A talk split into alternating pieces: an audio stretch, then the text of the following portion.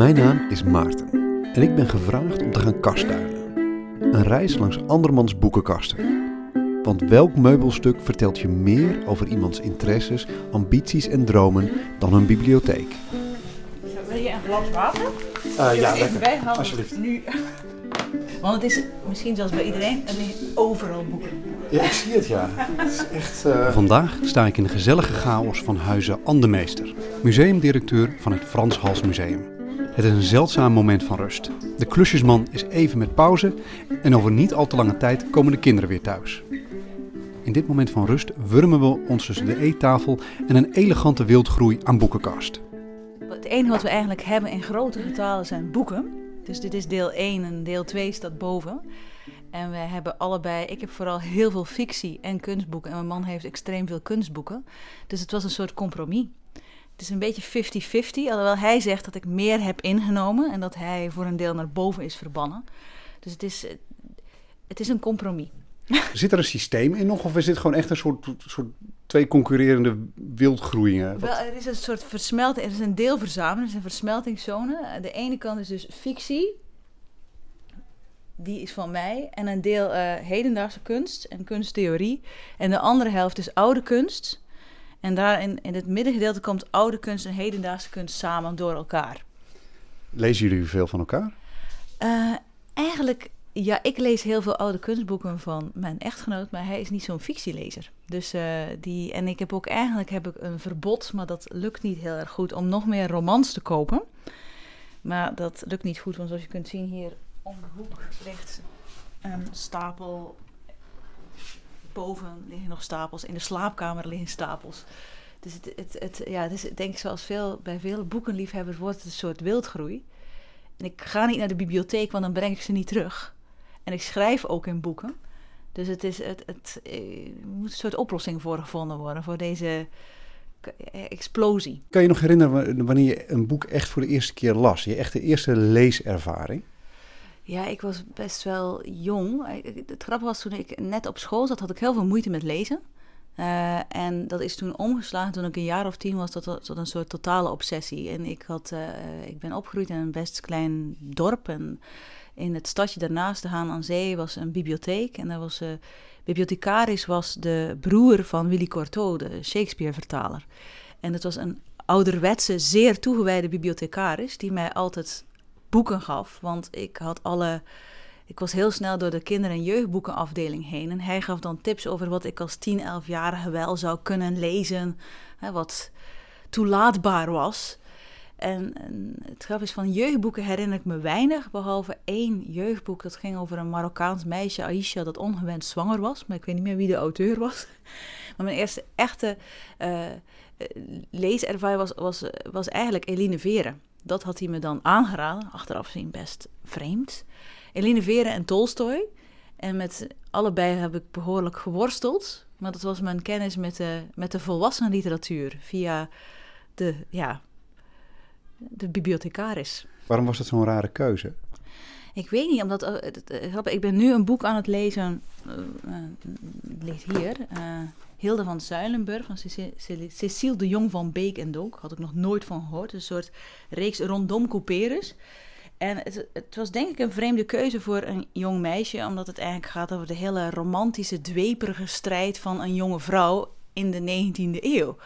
Uh, en ik was toen nog niet eens een puber. Hè, van, het, was ook, het was niet controversieel, maar meer eer van ja, het is een boek dat over heel veel dingen gaat waar je op die leeftijd misschien nog niet zo'n band mee hebt, of die je misschien nog niet helemaal kunt plaatsen.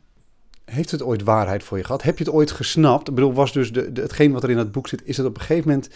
Heb je ooit een moment gehad van, oh, daar ging dat boek over? Ja, dat, dat wel. Ik bedoel, zeker als je dan meer begint te lezen, hè, van ook uh, heel cliché, als je dan Madame Bovary leest en, en, en ik weet niet, ik bedoel, ik lees fictie op een hele escapistische manier of op een hele ja, functionele manier. Van, als je, ik denk dat het, de leeservaring van veel mensen is een soort suspension of disbelief. Dus ik probeer het nooit echt te snappen. Maar dat dweperige sentimentalisme van Eline Veren en haar soort gevangen zitten in een keurslijf van burgerlijkheid en daaruit willen, maar eigenlijk niet kunnen. dat eh, denk ik dat ik op latere leeftijd wel gesnapt heb. Zeker toen ik zelf in zo'n dorpse omgeving zat en dacht van ik wil hier weg. En dat is natuurlijk niet te vergelijken met Eline Veren. Maar dat soort verlangen naar meer en groter en avontuur. Terwijl je eigenlijk ingeklemd zit in, in een kleinere omgeving. Dat is denk ik wat ik er achteraf heb uitgehaald als, als sentiment. want misschien als boodschap, daar gaat het boek niet over. Maar dat is wel wat ik nog als ik aan Eline Veren denk, denk ik nog steeds daaraan. Ik hou heel erg van boeken die eigenlijk uh, een combinatie zijn van, van kennis en verbeelding, ook heel cliché. Ik denk dat ik daarom bijvoorbeeld, ik ben dol op Salman Rushdie en A.S. Byatt. dat zijn allebei mensen die eigenlijk historische, of in het geval van Ace Byatt, historische romans schrijven, maar die een hele uh, poëtische dimensie hebben. Of zoals Salman Rushdie, wat eigenlijk hele sociale en politieke romans zijn, met, met een hele wilde, wilde verbeelding. En een heel barok, ik hou enorm van baroktaalgebruik. Dat, uh, ja, het, ze, mogen, ze mogen best een beetje moeilijk doen. Uh, wel, vooral barok excessief. Heel veel metaforen, heel veel ongebruikelijke woorden. Een soort in, in, in arcane vocabulary, daar, ja, daar ben ik dol op. Omdat je nog steeds weg wil uit dat West-Vlaamse dorp? Nee, misschien meer omdat ik denk dat de uh, soort talige exuberantie, dat fascineert mij. Of ik vind altijd van de manier waarop we nu, niet alleen in Nederland, maar ook met België, met de Nederlandse taal omgaan, is, is vaak heel uh, reductief, is heel rudimentair. Terwijl er zo oneindig veel mooie woorden, uitdrukkingen zijn die, uh, die heel andere dimensies oproepen. En uh, ik weet, toen ik mijn scriptie schreef, ook ik heb mijn scriptie geschreven over Salman Rushdie, dan had ik ook allemaal, los van die scriptie, had ik allemaal woorden gewoon genoteerd die ik prachtig vond. Uh, had niks te maken met het onderwerp van mijn scriptie, maar hij heeft een heel uh, het Indiaas-Engels is, is uh, veel uh, breder en rijker dan het Britse Engels. En had ik allerlei woorden gewoon genoteerd als een soort uitbreiding van het vocabulaire. Um, kan je nog eentje herinneren? Ik had er onlangs weer een gelezen bij hem, maar ik weet hem niet meer. Eigenlijk niet, nee. niet zo uit mijn hoofd. Kan jij dat, kijk, want het is één ding om het te waarderen en het mooi te vinden en het zelfs misschien hè, propageren. Um, maar je staat hier nu met mij. Uh, en ik kan je niet op baroktaalgebruik betrappen. In het, in het dagelijks gebruik uh, pas ik het niet toe. Als ik zelf schrijf, heb ik de neiging om ook uh, nogal uit te pakken. Dat was, ik was vroeger journalist, was altijd een beetje een probleem. Maar dan moest je toch wel redelijk feitelijk blijven. En dan hing ik allerlei kanten op. Maar ik vind het net zeker in een Nederlandse context eh, ga, ik me niet te buiten aan een soort um, ja, visuele, of ja, niet visueel, aan, aan, talige excessen. Want dan dat wordt heel snel niet begrepen of als bizar ervaren of niet functioneel. Dus um, ik denk dat het vooral bij mij blijft bij het geschreven woord. En daar zie ik wel een groot onderscheid. Het gesproken woord en het geschreven woord zijn hele andere, andere werelden. Wat missen we eigenlijk door dat niet te gebruiken? Um, wel, waar ik zelf bang voor ben, is dat het verdwijnt. van als je nu, zoals ik zei, die Hilde van Zuilenburg, die ik nu aan het lezen ben, daar komen hele soort courante Nederlandse woorden in voor, die we nu totaal niet meer gebruiken. Ik ben op zoek van, of uh, wereldse wuftheid, van, uh, dat soort of doezelige ogen. Dan denk ik van, oh, het zou zo smartelijk, zelfzuchtige droefheid. Dan denk van, het is jammer als het op een bepaald moment zou verdwijnen. Als we allemaal een soort pidgin of gecreoliseerd Nederlands gaan spreken, dit, wat we onszelf aandoen.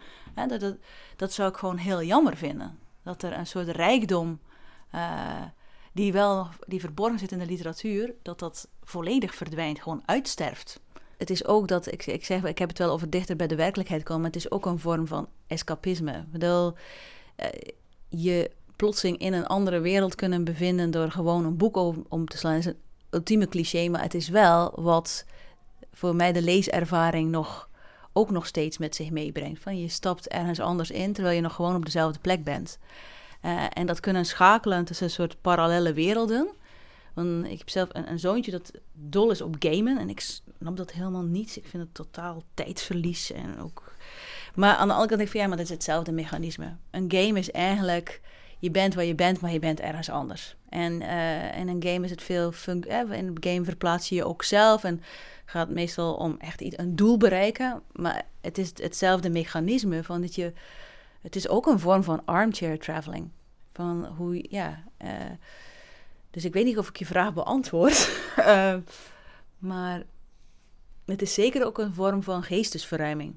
Heb jij het nodig? Je noemt het escapisme. Dat is toch een beladen term. Maar heb jij het nodig? Absoluut. Ik bedoel, het, ergste wat je mij zou kunnen aan... Ik denk ook altijd van... Het is volstrekt zinloos om je voor te stellen wat het ergste is dat je zou kunnen treffen.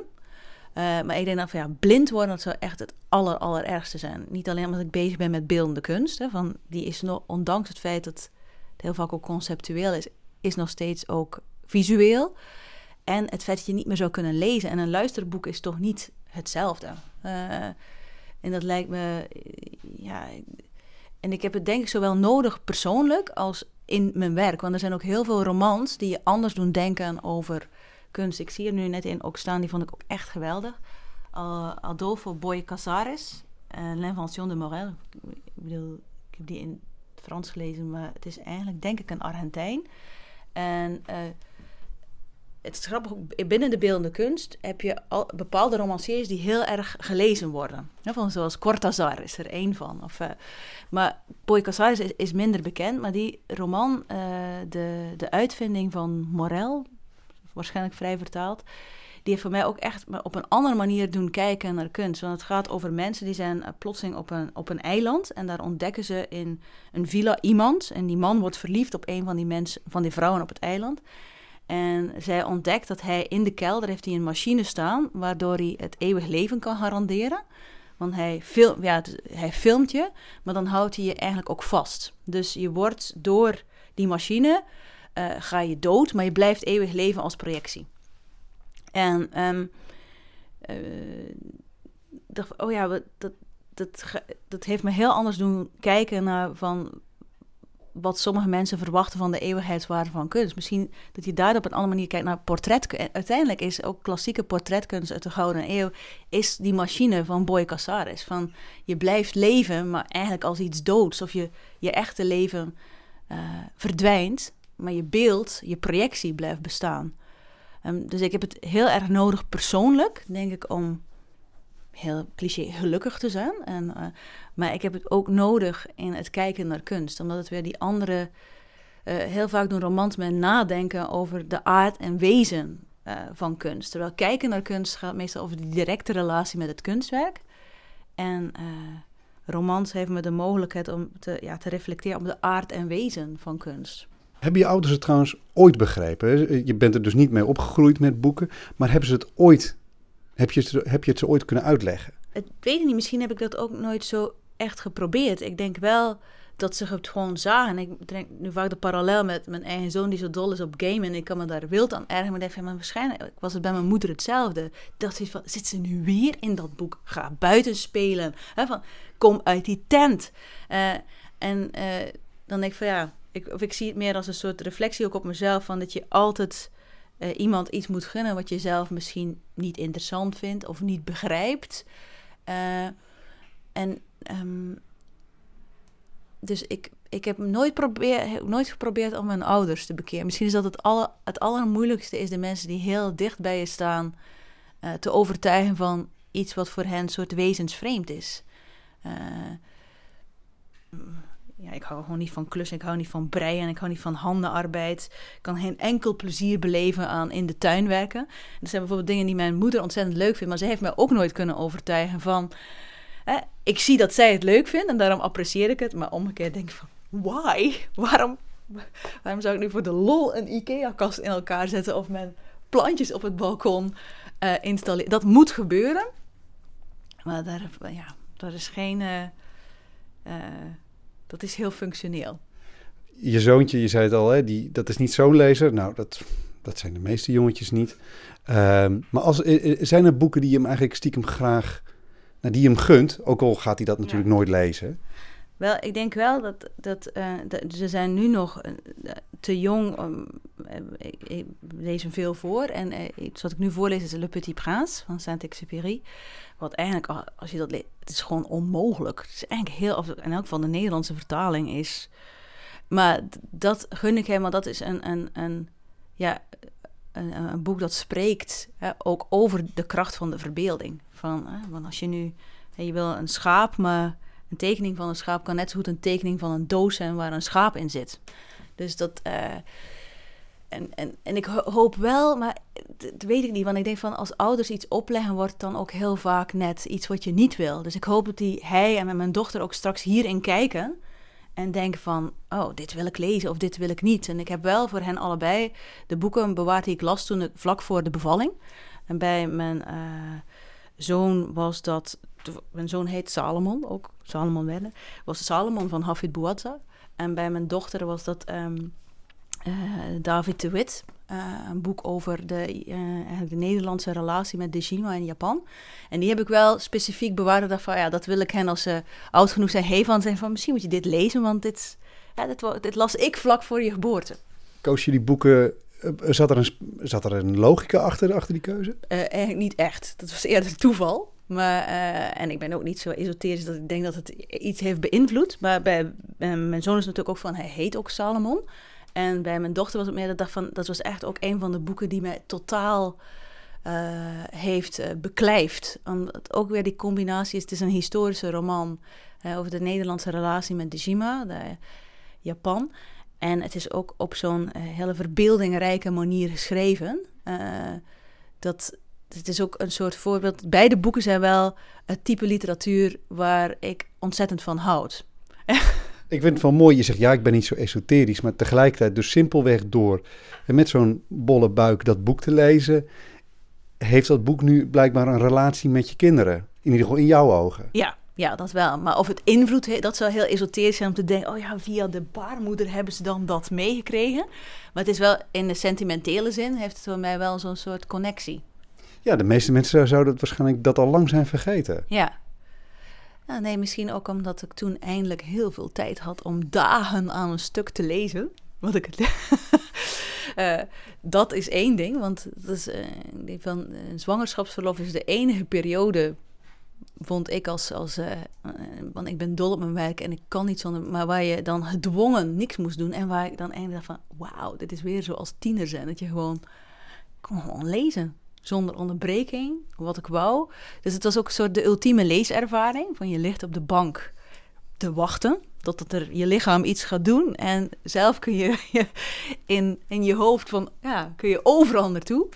Dus dat is denk ik bepaald. En ook omdat het twee hele goede boeken waren. Uh, het had ook iets anders kunnen zijn. Ik weet van één roman waar nu zie ik die ook. Waar ik denk van, oh, die ik ook echt geweldig vond. Die heb ik helaas niet vlak voor. Uh, was House of Leaves van Mark Danielewski omdat daarvan, dat denk ik is een soort, uh, ook een soort literatuur die heel dicht komt bij hedendaagse kunst. Het is heel gelaagd en het is heel, uh, het is heel meeslepend geschreven, maar het heeft oneindig veel lagen. Het is echt een soort millefeuille aan betekenissen. Het gaat over een, een gevonden manuscript dat, en dat manuscript gaat over een huis dat aan de binnenkant groter is dan aan de buitenkant. Ja, ja.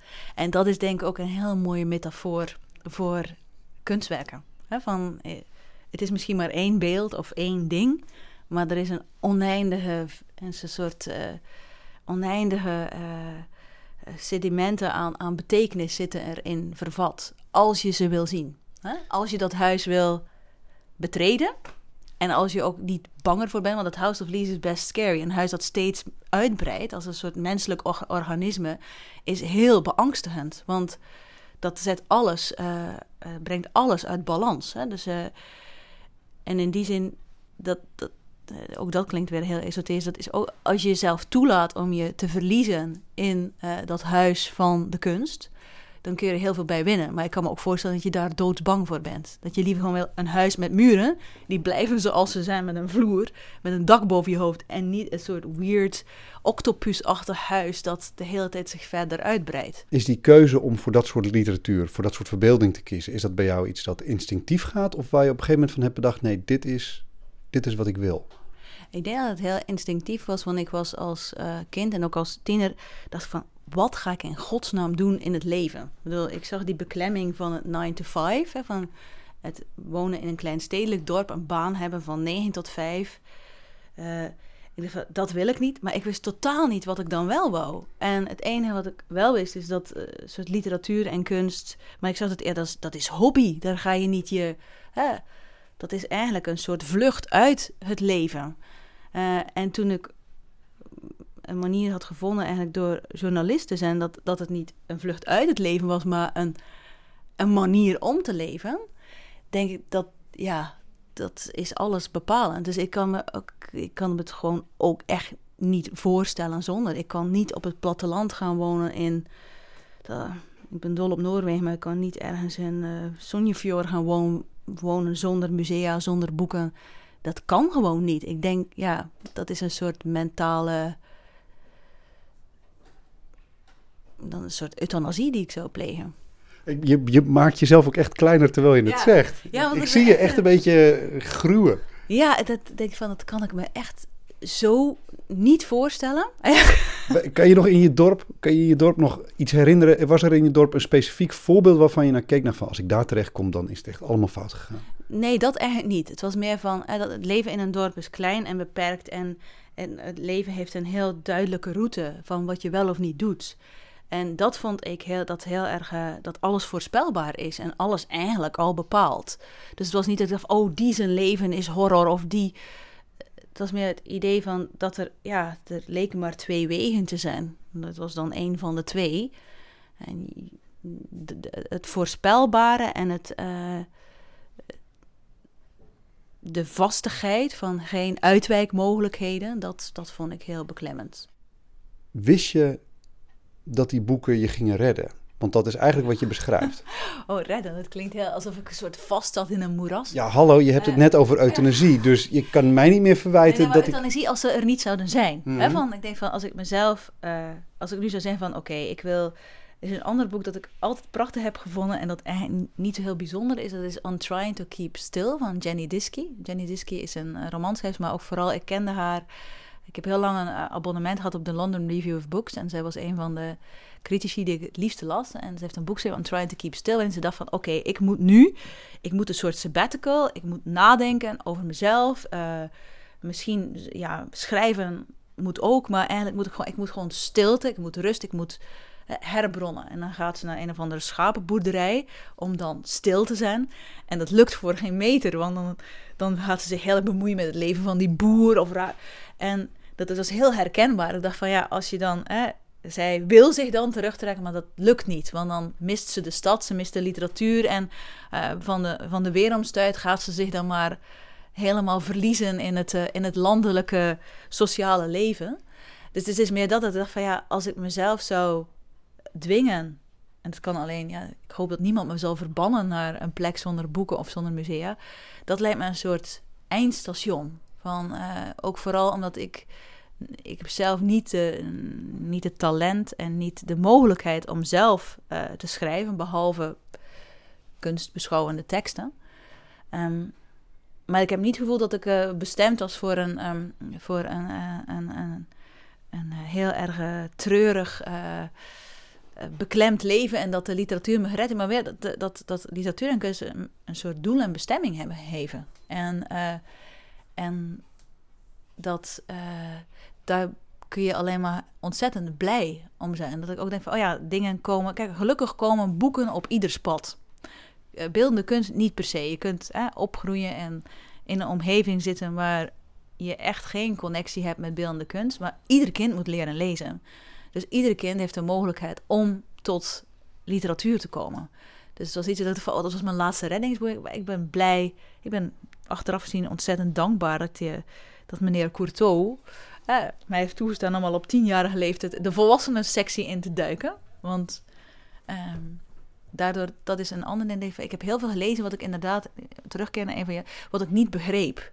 Op een bepaald punt heb ik ook alles van Nietzsche gelezen en daar begreep ik echt niks van. En toch ook te voelen dat het heel vormend was. Van uh, proberen om te gaan met iets wat je niet helemaal kunt bevatten en weten dat het, uh, dat het zinvol en betekenisvol is, maar, maar nog niet kunnen het nog niet kunnen pakken, niet kunnen ont, ontcijferen, niet, de versleuteling niet kunnen breken, dat dat ook een hele waardevolle ervaring is. Van, je moet op de toppen van je tenen staan en je probeert en je komt er niet echt, maar alleen al die ervaring van het proberen, je, je, soort, je, je denken uh, helemaal stretchen, een soort planken voor de geest, dat dat, dat, dat ook een hele waardevolle uh, ervaring is. Dank je, Eline Veren. Ja, Eline Veren, Nietzsche, Tolstoy. alles wat ik toen niet begreep, maar wel heb gelezen. Dit was de derde aflevering van Kastduinen. Kastduinen is onderdeel van de Slaakast, een podcast gemaakt in opdracht van de Stichting Literaire Activiteiten Amsterdam. Abonneer je voor meer verhalen, gesprekken en avonturen in literatuur. Je kan ons vinden in onder andere de iTunes Store en op Stitcher. Zoek op Slaakast, S-L-A-A-C-A-S-T en klik op abonneer. En voor nog meer literaire activiteiten ga naar sla.nl. Goed, dat was het. Tot de volgende keer.